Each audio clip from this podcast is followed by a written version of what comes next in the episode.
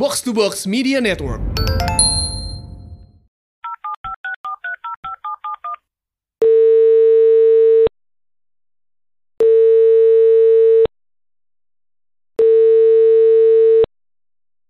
Hai, gue Mita. Gue mantannya Fajar. The one and only. Dia gak pernah pacaran sama orang lain kecuali gue. Padahal sebelum pacaran sama dia, mantan gue udah ada empat. Sebenarnya gue pacarin dia emang buat kedok aja. Gak ada orang lain yang bisa dibegoin selain dia. Gue masih harus effort sih. Bolak-balik mastiin sobatnya yang kampret itu biar gak ngusilin gue. Masalahnya dia tahu semuanya. Mariana maksudnya.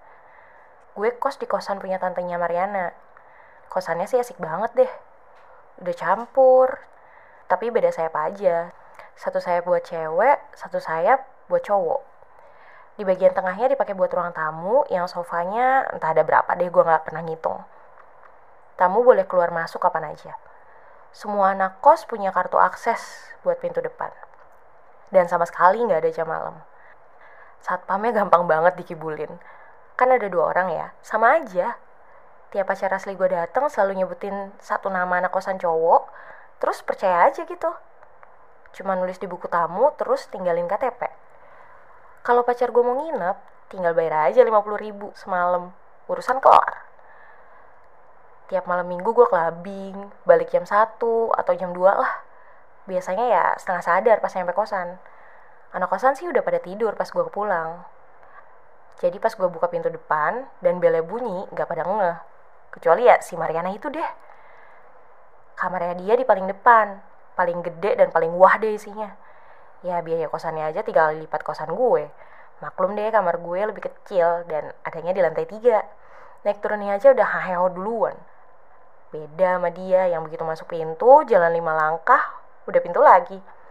Dan herannya dia bayar tiap bulan, padahal itu kan kosan tantenya. Katanya juara umum, tapi bego.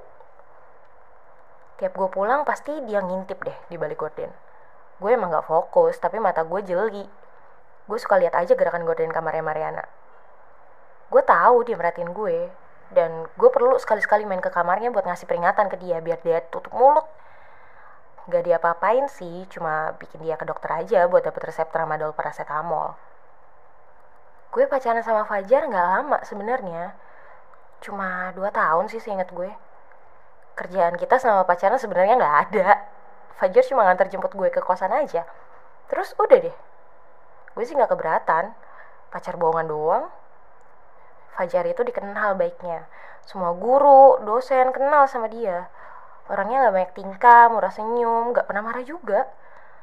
Gue macarin dia soalnya gue bakal ketularan kelihatan baik juga. Selama 2 tahun gue pacaran sama dia, gue baik-baik aja. Kelakuan gue tuh gak pernah ketahuan. Kelakuan pacar gue yang ketahuan. Pacar asli gue maksudnya, bukan si Fajar. Jadi pacar gue tuh bandar. Dia gak make, gue juga gak. Bukan yang gak mau, mau gue. Cuma harganya malesin lah. Mending dipakai buat yang lain. Sebentar doang efeknya. Pas gue cobain gak nyampe 12 jam udah hilang. Ngumpulin duitnya lama. Habisnya cepet. Ya kecuali gue jadi lonte ya cepet ngumpulin duitnya. Jadi waktu itu pacar gue ketangkep. Di kosan gue. Siang bolong polisi datang sampai dua mobil. Pacar gue emang naruh barangnya di kosan gue. Terlalu riskan soalnya kalau di kosan dia dan yang orang-orang tahu kan gue pacarnya Fajar jadi nggak ada yang curiga. Terus pacar gue tuh nggak pernah ngaku kalau dia tuh tamu gue. Datang ke kosan juga pas tengah malam balik besoknya pas di balkon sepi. Jadi nggak ada yang lihat dia keluar kamar gue. Gue sih bisa aja pura-pura nggak tahu kelakuan pacar gue. Tapi ya gimana ya soalnya polisi gerbek kamar gue. Tiap senti kamar gue diperiksa. Dan apesnya paginya gue baru ngelahirin bayi. Masih kecil sih sekitar 7 senti baru tiga bulanan lah hamilnya. Niatnya malamnya mau gue buang, eh keburu polisi datang. Kejadiannya pas gue semester 2. Gue langsung dikeluarin dari kampus, dikeluarin dari kosan, dikeluarin dari rumah. Gue masuk pengadilan dan kena hukuman pidana. Gue jadi tahanan paling cantik deh. Dan gue gak pernah dapet kesulitan lebih dari yang seharusnya. Selama di sel, gue suka mikirin Fajar. Bukan karena gue ngerasa salah ya.